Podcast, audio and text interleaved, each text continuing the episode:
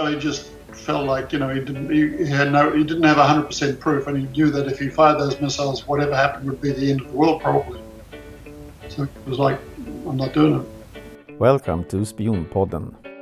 Today's episode is going to be a little bit different. I'm going to try to versatile the podcast. Our guest today is a world famous film director, but not only because of his engagement and interest in, in making movies about uh, true events, but also the way he does research. He's met world leaders and essential people from the political arena, the real people who's actually there, who he then uses uh, and learns from to to um, make his movies. So uh, let's call him up and see what he what he's doing.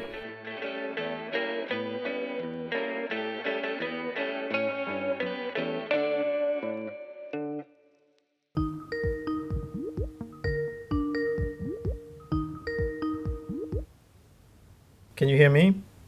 Yep, here but no see you. I'm here in Los Angeles. You're there in Sweden. Where are you? Stockholm. Yeah, Stockholm. What bird is that? Is that at my place? Yeah. Or is it my place? yeah, it could be my. Hello and uh, welcome everyone to uh, Spionpodden and also the English version called Spice Up Your Life. Spice Up Your Life. Um, I hope uh, the English is getting better from my side, for my part, but um, I don't know. We'll see. Today I have a very very special guest to me because it's, it's actually he's made one of the most of my favorite uh, spy movies called uh, No Way Out with Kevin Costner and, Costner and Gene Hackman, and he's also made another film regarding uh, quite a lot about surveillance, and it's 13 Days. So um, I'm very proud to pre present to you the director of both these films, Roger Donaldson. Welcome. Thank you, Mikael. Yeah, we met a few years ago. Um, I was doing a, a, documentary film called Diamond Dogs. I love that film. Thank you. But listen, uh, I was um, I was thinking um, I, was, I was thinking we, we could start to talk about um, well actually it's up to you but but either no way out or, or 13 days because they're both uh, i think the most interesting thing about 13 days is that it's actually based on true facts. So maybe we should start with 13 days if you don't mind. Okay far away. Yep. Great. So um, tell me what what is 13 days about? Well 13 days is about the cuban missile crisis that happened uh, back in the uh, 1960s uh, when kennedy was the uh, president of the us um, the Russians had put missiles into uh, Cuba as a result of, I think, probably what the US was doing on the borders with Russia. And uh, Khrushchev wanted to pressure the US to maybe rethink what they were doing. Um, anyway, they uh, they shipped missiles down to Cuba, and uh, there was a showdown in the uh, near Cuba when the Americans said either you know, pull out or we were going to go to war. And um, it was a you know I remember at the time as a young teenager I wrote a diary you know not really being aware, not really being sure that the next day there'd even be a world to wake up to um, there, there were dramatic times So, um, for those of you who don't remember the Cuban Missile Crisis, or don't know, or, or a lot of you weren't even born, I'm going to try to tell you very briefly what happened and uh, give you some of the main characters. So the it, it occurred in October 1962, and and it's probably the closest uh, we ever came into having a nuclear war on Earth. The Soviets had placed missiles on Cuba, and the Americans found out thanks to airplanes taking surveillance photos of, of, the island. And on those photos, they saw these huge uh, missiles, the Soviet missiles. There were two sides. You had, let's say, two sides of the Berlin Wall you had Nikita Khrushchev, who was the leader of the Soviet Union, a very charismatic and uh, strong figure, I would say.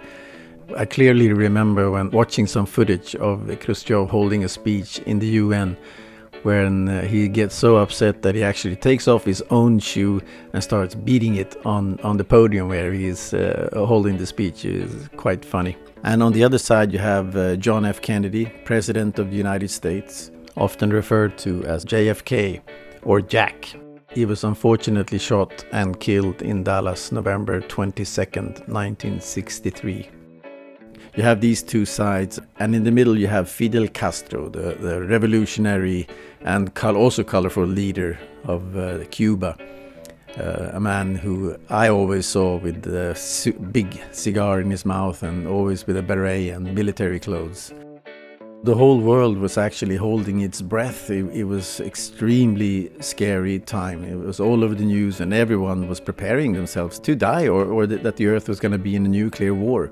On uh, the American side, you had uh, Robert McNamara, who was the United States Secretary of Defense. Uh, I know him mostly because he played a major role in escalating the US involvement in the Vietnam War. But you also have Robert Kennedy, who was uh, JFK's or John F. Kennedy's younger brother, uh, who was the United States Attorney General.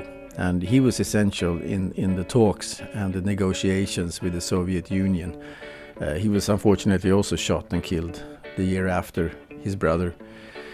But there's another little character here who's called Georgy Bolshakov, who was a Soviet GRU officer and probably a, a, legal spy, but he played a major role for the Soviet Union during his years in the US, and not to say the least, in the meetings with Robert Kennedy. Bolshakov had, had straight access to Nikita Khrushchev He's a very interesting character. He wasn't a politician or anything. He was he was uh, a journalist. Uh, he was officially a journalist, but behind the behind the scenes, he was probably a lot more than that uh, for the Soviet Union.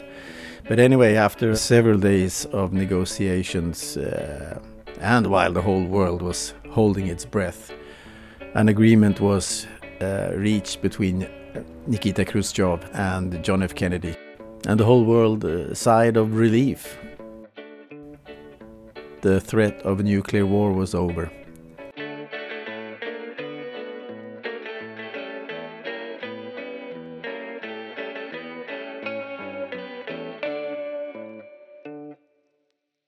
When when I saw the movie again quite recently, I I was um, quite taken about the, the surveillance and, and the, the airplanes in the beginning of the of the film and how they found out. Can you can you tell me a little bit about that? Well, the the missiles were discovered with the U two flyover.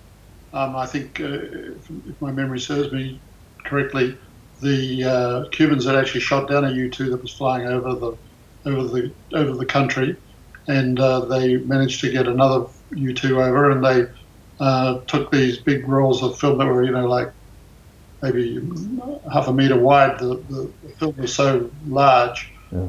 Uh, and uh, they took photographs of what they thought were these missile bases in Cuba.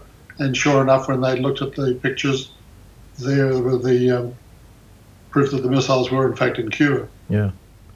But how, how important uh, do you think surveillance is when you look at, even though, I mean, even, even when you make movies, but, but also in, in real life, uh, how do you, how important you know, surveillance, of course, is you know the very heart and soul of you know trying to keep track of what your either your enemies are doing or your fellow citizens or whatever. And of course, um, in this day and age where you know you can be tracked by cell phones and cameras, and you know it's becoming a very important uh, topic of discussion. Just what's you know appropriate, especially in this time of the COVID virus spread. You know where people want to know who they've been in contact with, uh, with as a means of tracking if there are if people are infected and who they're passing it on to.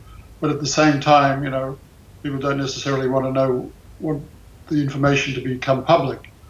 And uh, so, you know, the, these are very. Um, I mean, I think surveillance has always been a very controversial subject, and right now even more so. Yeah. But you worked with, with Kevin Costner twice, at, at least what I know of, uh, or maybe a few more times. But how come you, you worked together so much? I guess we got on well doing No Way Out, and uh, Kevin was actually, you know, the one that got me on to doing 13 Days. So it was uh, thanks to Kevin that I did the movie. Okay. But you did a lot of uh, research and also you went to Cuba. Can you tell me a little bit about that? You know, part of my pleasure of making a film, especially about real events, is to try and understand as much as I can just what really happened.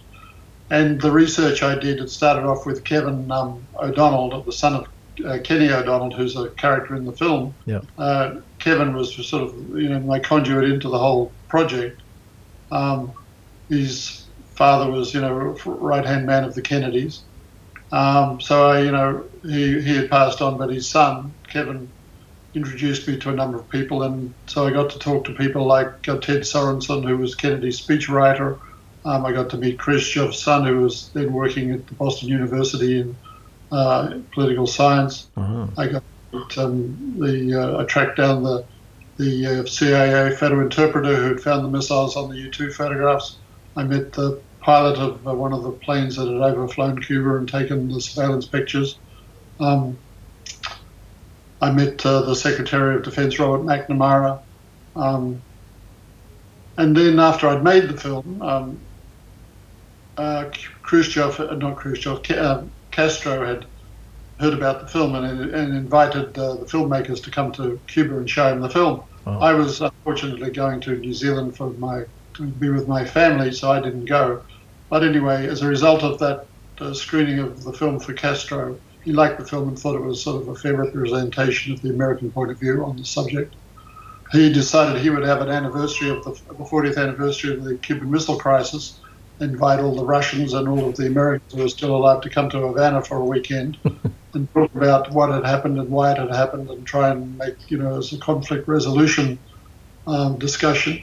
So I went with there. I went there with my daughter, one of my daughters, and we went there with um, this group of two plane loads of Americans, and uh, we spent a weekend in Havana, with uh, hanging out with all of the people who had been on the Russian side and the Cuban side and the American side. It, it was it was quite enlightening because you realise that hearing everybody's stories, how much closer disaster had really been than everybody thought at the time. There were things that really did happen that was a miracle that they didn't finish up in warfare. Yeah, uh, especially when they were actually firing on the on the surveillance, uh, the the, the, ex, the the small planes that went in to do the extra surveillance photos. But there were ones, there were situations like the Americans had a Russian submarine sort of boxed in and were dropping depth charges on it. And the Russian captain of this submarine was at this there and said that the Russian, his orders were that if anything like that happened, he was to fire missiles at America, assuming that a war had started. And he was like, just because they're dropping depth charges on me doesn't mean a war really has started. And so he defied his uh, instructions, really, his orders, and didn't fire these missiles at America, which would have started a war. And he was there telling his story from as the you know the um, the um, submarine commander was there at this conference, as well as the captain of the destroyer that was dropping the depth charges. And there were these two guys face to face telling their sides of what happened. It was extraordinary stuff. So the Russian submarine captain was there telling his story, why he didn't push the button or whatever you call it. Yeah. What, what did he say? Well, he just felt like you know he didn't he, had no he didn't have hundred percent proof, and he knew that if he fired those missiles, whatever happened would be the end of the world probably. Hmm. So it was like, I'm not doing it. And and how did the American reply? Well, everybody was sort of suitably, you know, you realize, uh, you know, 40 years after a conflict, everybody's best friends all of a sudden, like, you know, these people, you know, we're still, we're, we're now friends with the Germans and the Vietnamese and the Cubans, and, you know, things get forgotten as time passes. I'm reading from Wikipedia. Vasily Alexandrovich Arkhipov, Vice Admiral, was a Soviet Navy officer credited with preventing a Soviet nuclear strike and presumably all out nuclear war during the Cuban Missile Crisis. Such an attack likely would have caused a major global thermonuclear response. As flotilla commander and second in command of the diesel powered submarine B 59, Arkhipov refused to authorize the captain's use of nuclear torpedoes against the United States Navy, a decision requiring agreement of all three senior officers aboard. In 2002, Thomas Blanton, who was then director of the US National Security Archive, said that Commander Arkhipov saved the world.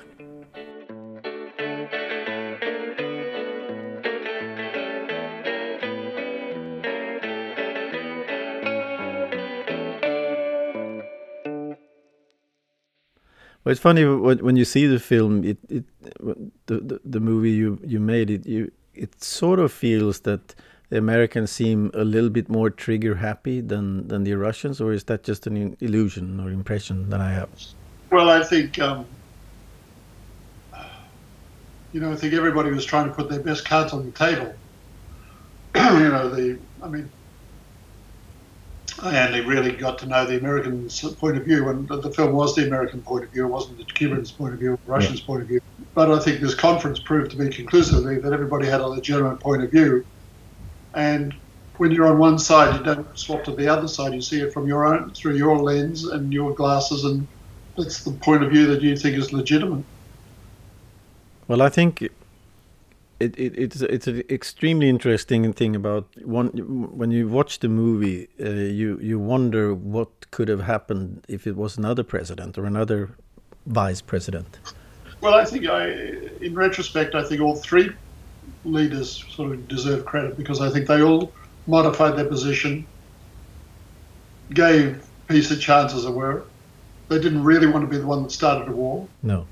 They wanted the other side to back down, and everybody realized that, you know, if all three could back down, then they could disengage and things would resolve peacefully, which is what happened, really. And when you say three, you mean Khrushchev, Kennedy, and uh, Castro? When you made this film, it's it's based on, on on true fact. How close to reality are you? Do you remember? Uh, you know, my intention was to be. Listen, it's a dramatization of it, and it's you know, but I think the it fitted the known facts. It had access to a lot of people who were really in the know. Like you know, when Ted Sorensen saw the film, he knew exactly what happened. He was like, "This is not exactly as it happened, but it sure feels like as it happened to me at the time." So he recognised that you know we had taken artistic license with how we told the story. Yeah. But he said, "This is what it was like to have been part of that experience." This film is very accurate in its representation of sort of the suspense, the fear, the what, how was it going to resolve itself, the backdoor meetings, backroom meetings. This is what it was like to be there. Yeah. Ted Sorensen was an American lawyer, writer, and presidential advisor. He was President John F. Kennedy's speechwriter, but also one of JFK's closest friends. President Kennedy once called him his intellectual blood bank.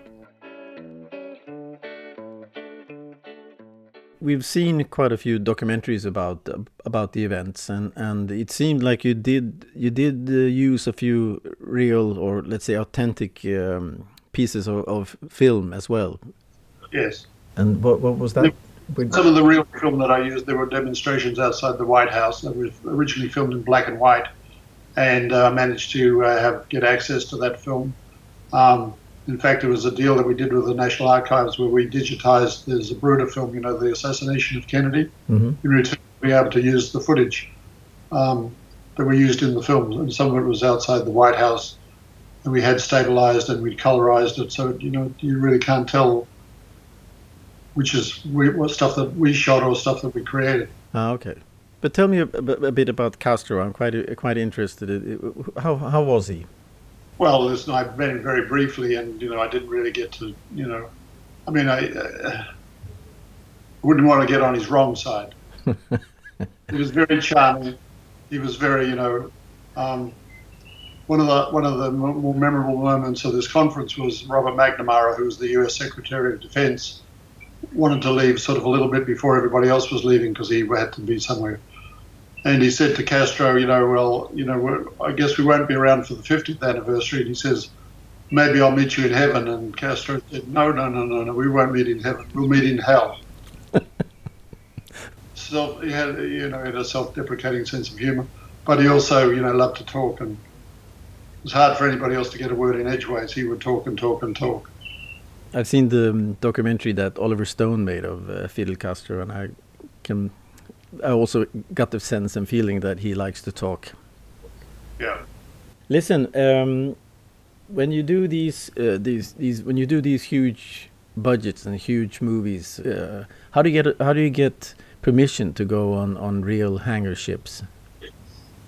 Well, you know, there's a lot of stuff in 13 days that you would assume that we had permission to do, you know, access to bases and things. We most of it we we recreated ourselves. Oh, okay. Uh, like there's a piece out on the uh, JF Kennedy. I think it's a destroyer. It was actually a museum ship that hadn't moved for 20 years, and uh, we towed it out into the ocean, and digitally removed the big tow rope that was, you know, from the tugs that were pulling it. And but we went out into the ocean and really shot it with, you know, fired off its guns and all that. We with these museum staff members who but the boat didn't have any ballast in it, so and it felt literally felt like in the sea it felt like it was going to tip over because it was sitting so high and it was like oh, it was like oh. it was very scary for a while. Yeah, I can imagine. But but but but the the, the plane uh, the airplane um, sh shots. I mean, some some of them are, are real, aren't they? We uh, we built uh, we built the missile base that was supposedly in Cuba. We built it in the Philippines. Okay. And, uh, we took a, a Learjet camera ship. There's a, a, a company here that had this Learjet decked out, fitted out for filming, high speed filming. So we, we did all of the aerial shots from this Learjet, and then we created a, you know, we got a real uh, cockpit and we green screened the visuals into the cockpit pictures. And it looked incredibly convincing, and um, it was pretty scary shooting this stuff flying below tree level at 300 miles an hour in this jet to get the pictures. There was one point I, I was in the, you know, making sure that we got the shots I wanted to, and I was in the plane. And there was one take, we went over this 50 millimeter gun firing at us, and of course it was firing blanks. It, it hit boom, boom, boom, boom on the, on the bottom of the plane, and I go, I thought we'd hit the tops of the trees. The guy goes, no, no, that's just the percussion from the guns. That's how low we're flying. Wow just the air coming out of the barrel of the gun was so close to, I mean, we were probably only 20 feet above the gun at 300 miles an hour. So I was very, I was, I was pleased when we finished shooting that because it did feel definitely pretty crazy. But how, how does it feel to, to make a movie with one of the most important events uh, in in modern history? I've always been fascinated by you know international politics and uh, Americana, I guess, and this nothing is more sort of you know important in the history of recent USA than you know what happened in the '60s, and this is part of the '60s, and you know it was when I first came to America, and so you know I enjoyed just getting to meet many of the players that had been part of the story, and uh, and then just to recreate this bit of history was you know probably one of the more satisfied movies I've ever made. Why do you think it's important to make? Uh movies about true events, even though it might not tell a good a, good version, a good side of of, an, of a country. I, you know, uh, for me, you know, making films about true stories is. I like total fiction and I like true stories. You know, I made a film called The Bank Job, which was about a bank robbery in London that was based on a true story. Um, I did uh, The Bounty, which was based upon you know the the uh, true story of you know the mutiny on the Bounty. Yeah, with Mel Gibson, right? Mel Gibson, Tony Hopkins, yeah, Daniel Day Lewis, Liam Neeson. Wow, they're great actors. Yeah. Um, but the, you know, then I've made and I've made uh, World's Fastest Indian that was based upon a documentary mm-hmm. that I made. But then I've done completely fictitious stories, you know, like No Way Out, Cocktail, you know, Species. They don't have to be their true stories. They're just looking for a good story, good something that can, you know, I can dig my teeth into and enjoy making and hopefully make a great movie out of.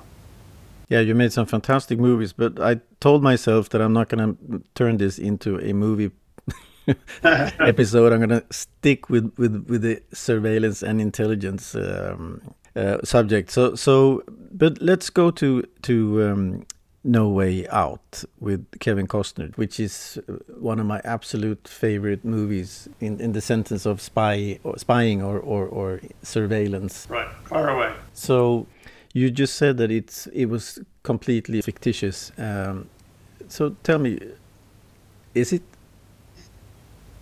Yeah, as far as I know, I mean, it was based upon a book that I uh, called The Big Clock, which was set in a newspaper office originally. I mean, in fact, I didn't even know that it was a had been another movie.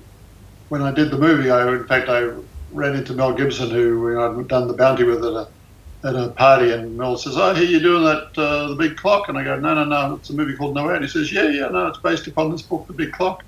I go, "No, no, no, it's an original screenplay." He goes, "Trust me, it's a, there's a book called The Big Clock," and he was right. But I didn't know until I was putting the credits on the film, and they gave me the credits to put on the film. I was like, "Fuck, nobody told me this." But it's based upon a book. Well, it gives uh, it gives you quite a um, you know, it could it could be true. Well, I mean, that's what a good film does. You know, you go like, "Oh my God, is this a true story or not?" Because you know all the things that happen in there really do happen. You know, people get surveilled, people have relationships, people get killed, murdered, come to sticky ends, people you know have homosexual relationships. I mean, all of the things that are in this film are a part of real life. So it's not like you're inventing melodrama for the sake of melodrama. These are stories that you sort of when you get involved in them, you go like, wow, is, uh, did this really happen? And I think that's sort of when you ask us if it really happened, that to me is a compliment to the film. Yeah, totally. I, I, I just want the audience to know that we're going to ruin the, the ending for you. So well, here you do. ruin the ending. Or maybe we don't have to ruin the ending, but don't do that because when the, when the film came out, people would not talk about how the film ended. No. So don't spoil it. No, let's not spoil it. But it, it's it's an amazing ending, and I remember the first time I saw it, I just kind of freaked out. Good. Yeah. Gene Hackman is a fantastic actor. Sean Young, what a star and a talent she is and was at the time. Um, you know, he had a great cast. John yep. Alcott's last film he ever shot, who uh, did a lot of uh, Kubrick's movies. Yeah, the cinematographer, right? Yeah. Yeah. And uh, so, I, you know, there were some great actors and some great filmmaking talent, and it was a lot of fun to do that film. Yeah, um, Sean Young, she she stars also in in Blade Runner, which is also one of my favorite movies. No, she's a very adventurous, you know, talented actress who will, you know is is prepared to put her own sort of persona on the line in a way that few few actors are.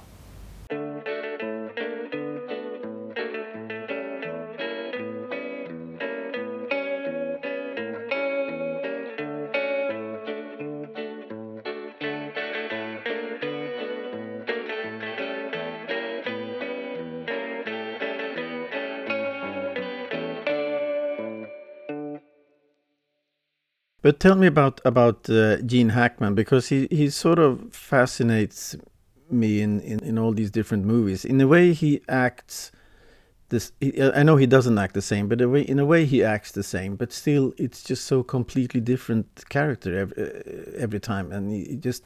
How, how does he do that? Gene's talent is that he doesn't feel like an actor; he just feels like the character he's playing. Mm. I mean, Gene was a Marine. You know, I don't know how he even got into acting. I, I, remember him telling it, but I can't remember now what he told me.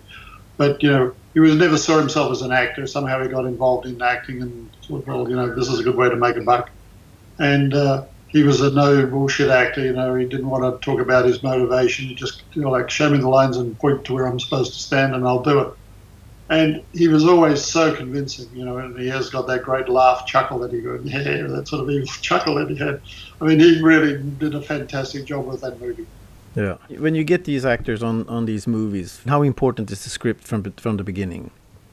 Well, I mean, there are the biggest decisions that you make are, you know, what's the script, and I, you know, if you're going to do it or not, obviously, is the big decision. But who you put in it is everything because different actors are going to come up with different ways of approaching the material. And so casting, I think, is one of the most important parts of making any film. The casting director, Eileen Starkey, she came up with a really great cast. And um, I think, you know, if you get if you get actors who can sell themselves in a way that other people, you know, if you got the right person, there's nobody else who can play the part. Is really what I'm trying to say. But when you make a movie like this, um, I know you foc. Well, you can see that you focus a lot on certain certain moments, especially the moment when. Well, I'm not going to ruin it, but I'll try not to ruin it. But when when he finds out that uh, she's dead, uh, I think that's that's a, an extremely important mo moment in the movie because you're tricking the audience. Uh, you know, it's what you're not expecting, and I think you know one of the one of the things about you know movies that really do work is when they when you go like you tell your friends I've seen a really great movie, but I can't tell you what happened because I'll spoil it for you. Nothing word of mouth, nothing beats that sort of word of mouth where people say I can't tell you about what, how, what happens. You just got to see the movie. I mean, I've been watching a TV show recently called Ramy, R A M Y. Trust me, it's fantastic. Okay. And I can't tell you why. You just got to see it because it's so it's so surprising and it's so talented and so funny and touching and suspenseful and you know it's just brilliant stuff. Good. Are you New Zealand or Australian? I'm I was born in Australia. Australia, okay. And why did you come over to to the United States? Uh, well, I had you know I'd always loved Americana. My dad was a, a pilot during the war in Australia and the Middle East, and uh, he was a big fan of the Americans that he knew, that he knew, and so he always talked about you know my dad always wanted to go to America, and not that he did, not that he came here until I was here, but so I was fascinated with the music and the movies and the you know Americana, I guess, and I first came here in 1969. Uh, taking, I wasn't even a filmmaker then; I was really a photographer. Um, I, I, remember I went to the Seattle Pop Festival up in Seattle and managed to get a press pass and take pictures of Ike and Tina Turner and the Doors and Spirit and these amazing groups. Um, I was hooked. And it wasn't really until I made this film, Smash Palace, Smash Palace, a New Zealand film that got uh, a lot of attention here from the film critics in America. Okay. And then once I'd done that film, I had a lot of opportunities to come here and work. And um, ultimately, I came here to do a film for Richard Zanuck and David Brown, two um, you know big time American producers. The film never happened. I went into turnaround, and now I was here. So I've been here ever since. and and uh, what's your next project? Do you know? Well, I've got a number of things in the go on the go. You know, I'm writing some scripts still. You know, I love writing. Um, the one thing I know after this many years in the business, you never know what's going to come next because what you think will happen usually falls apart, and what you think may never happen, like it's, tomorrow there's a phone call and they say, "Yeah, let's make that film." Yeah. I mean, right now nothing's happening because of the virus. No. Okay, now I'm I'm just gonna jump back a little bit to 13 days. Please t- take me back to that to that day when when ev- and everyone was was um, was meeting each other there, and and I mean it must have been quite a, a, big moment for for you and also for history. I mean a feature film doing so much for history isn't that quite amazing?